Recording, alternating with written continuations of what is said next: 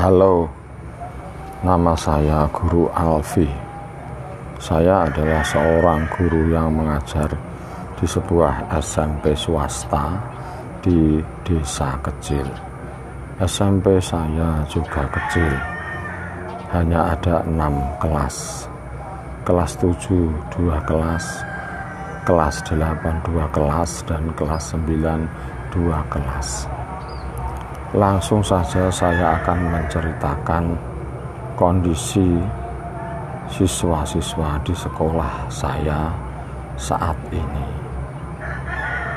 Nama saya Guru Alfi. Anda bisa melihat podcast-podcast saya episode-episode sebelum ini untuk mengenal siapa saya. Murid-murid di sekolah saya sangat tidak sadar dengan pendidikan. Sering bahkan murid kelas 9 yang seharusnya sudah dewasa tidak membawa buku pelajaran seperti jadwal untuk hari itu. Ketika ditanya, ketik, kenapa tidak membawa buku, mereka biasanya menjawab lupa atau tidak tahu atau hanya cengar-cengir saja. Saya menceritakan kondisi saat ini bukan karena saya membenci murid-murid saya. Saya hanya mengungkapkan fakta apa yang sesungguhnya terjadi di lapangan, yang sesungguhnya terjadi di kondisi nyata di sekolah-sekolah Indonesia, utamanya sekolah-sekolah kecil di desa-desa kecil seperti sekolah saya sehingga Anda yang mendengarkan podcast ini tidak hanya mempercayai data-data, berita-berita, atau laporan-laporan, atau hanya melihat sekolah-sekolah yang sudah maju yang ada di kota-kota. Kembali ke murid-murid saya, ketika diajar, mereka juga sepertinya sulit untuk berkonsentrasi atau fokus menyerap ilmu yang sedang diberikan oleh bapak atau ibu guru. Perlu usaha ekstra agar murid-murid itu mau mengikuti atau terlibat dalam pembelajaran yang sesungguhnya. Rasa ingin tahu mereka sepertinya tipis sekali. Saya tidak mengatakan ini semua murid, tapi kalau di presentasi kira-kira ada 90% kondisi muridnya memang seperti ini.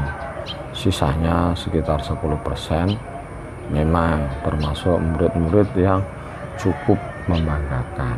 Biasanya ini adalah murid-murid putri yang serius yang mempunyai rasa malu dan mempunyai keinginan untuk maju setelah sekian lama menjadi seorang guru, saya bersama teman-teman lalu menganalisa apa sebenarnya pemicu atau penyebab kenapa karakter atau kepribadian murid-murid di sekolah saya seperti itu.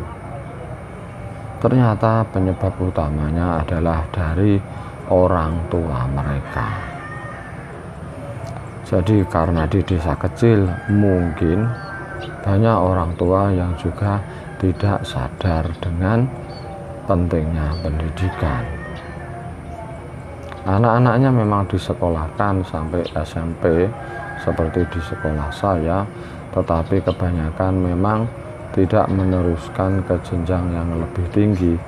Setelah lulus SMP, mereka sebagian besar tidak melanjutkan ke SMA, ke aliyah atau ke SMK meskipun secara grafik setiap tahun memang bertambah. Terus ke mana anak-anak setelah lulus? Kalau putri biasanya pergi mondok ke pondok pesantren nanti selang tiga tahun atau empat tahun kemudian menikah dinikahkan. Kalau putra anak laki-laki biasanya setelah lulus SMP kemudian ikut bekerja menjadi karyawan atau anak buah dari pengusaha-pengusaha yang sudah maju atau sudah kaya.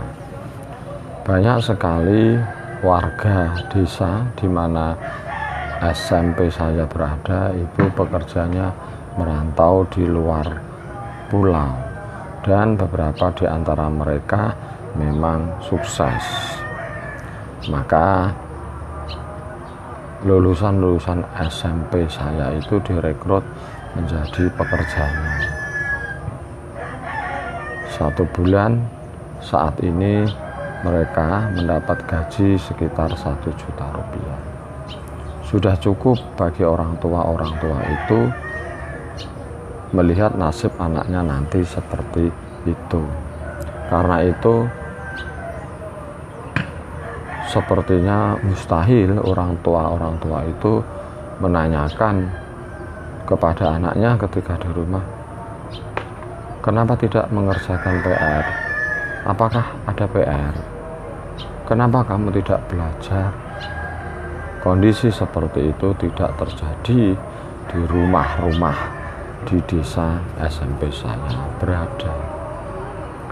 Selain itu ada faktor lainnya yaitu mereka ditinggal orang tuanya pergi merantau.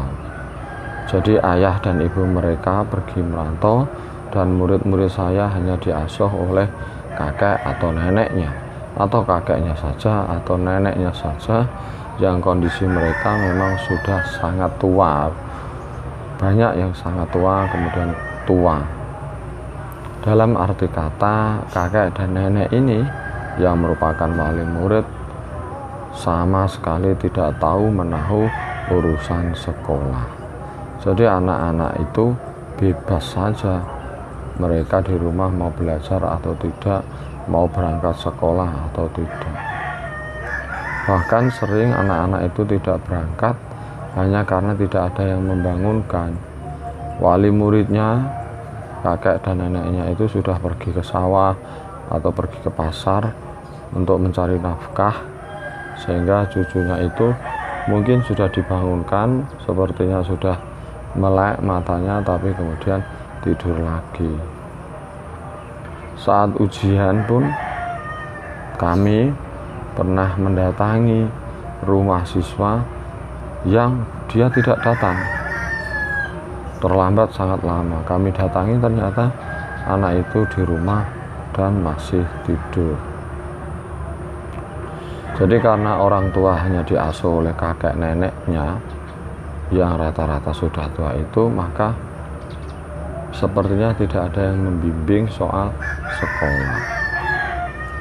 Faktor ketiga adalah mungkin separuh, setengah dari orang tua murid-murid saya itu bercerai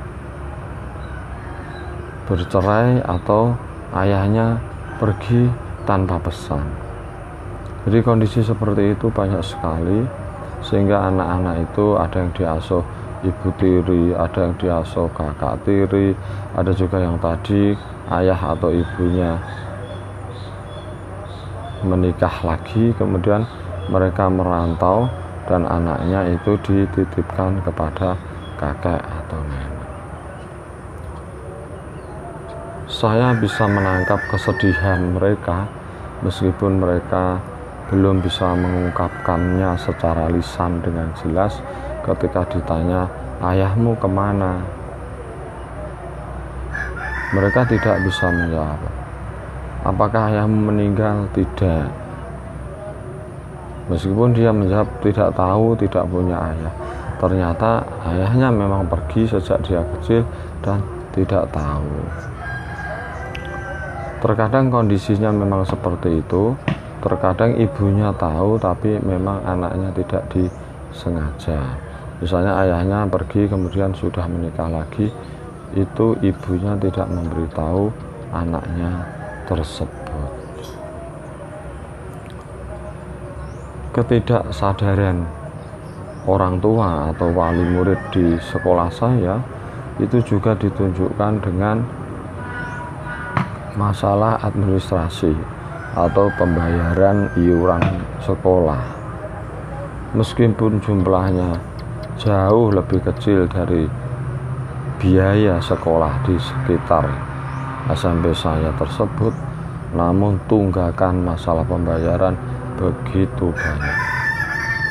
Setiap ada penilaian akhir semester atau ulangan tengah semester, mid semester atau ulangan kenaikan kelas di hari pertama utamanya itu mungkin sepertiga anak itu tidak bisa langsung masuk ke ruang ujian atau ruang ulangan bersama itu karena mereka harus antri membeli kartu tes Kenapa mereka membeli kartu tes?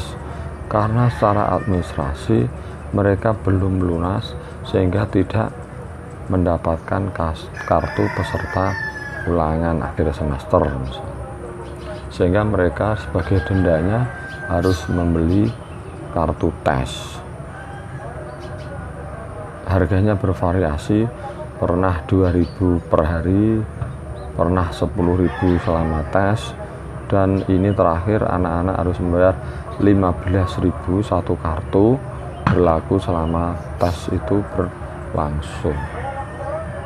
Begitu banyak yang belum lunas administrasi padahal jumlahnya sangat murah sangat sedikit. Orang-orang tua dari murid-murid saya sering dan senang mengaku bahwa dia miskin. Memang sebagian 50% maksudnya bisa tergolong miskin tetapi 50% yang lainnya cukup karena di rumahnya lantainya sudah memakai ubin kemudian rumahnya tembok dan mempunyai sepeda motor tetapi untuk urusan membayar uang sekolah anaknya mereka sepertinya kurang antusias.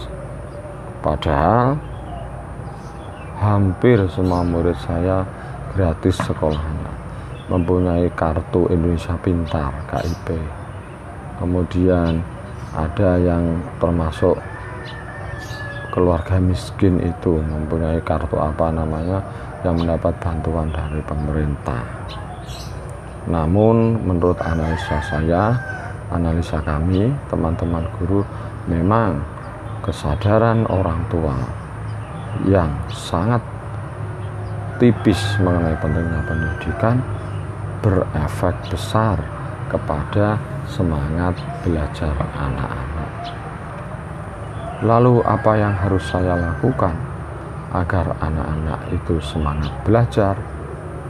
Setiap masuk ke ruang kelas, sebelum masuk ke inti pelajaran saya harus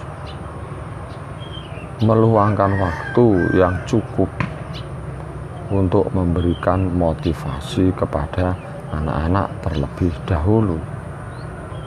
Seperti guru TK pada ini SMP saya harus mengecek anak itu apakah membawa buku pelajaran alasannya apa kemudian menanyakan kenapa terlambat untuk yang terlambat. Lalu ketika harus ada yang mencatat harus berkeliling kelas untuk dalam tanda kutip memaksa anak-anak itu mencatat apa yang sudah tertulis di papan tulis. Kalau tidak dikelilingi kemudian diminta untuk mencatat anak itu pasti tidak mau mencatat jadi saya teman-teman guru di SMP ini harus bekerja ekstra. Karena itu untuk rekan-rekan guru yang bekerja di sekolah-sekolah negeri yang favorit yang sudah besar biasanya ada di kota bersyukurlah. Karena saya juga mempunyai anak yang les privat di rumah saya dari sekolah yang sudah maju saya selalu menanyakan hari ini mendapat pelajaran apa jawaban siswa les saya itu selalu berdiskusi, berkelompok, disuruh membuat tugas. Pekerjaan guru di sekolah negeri yang sudah favorit jauh lebih ringan daripada pekerjaan saya dalam konteks hadir membina, membimbing murid di ruang. Demikian sedikit cerita yang bisa saya bagi kepada Anda mengenai kondisi murid di sekolah saya. Nama saya Guru Alfi. Anda sedang mendengarkan podcast Babah Tu yang berisi cerita mengenai Guru Alfi. Terima kasih.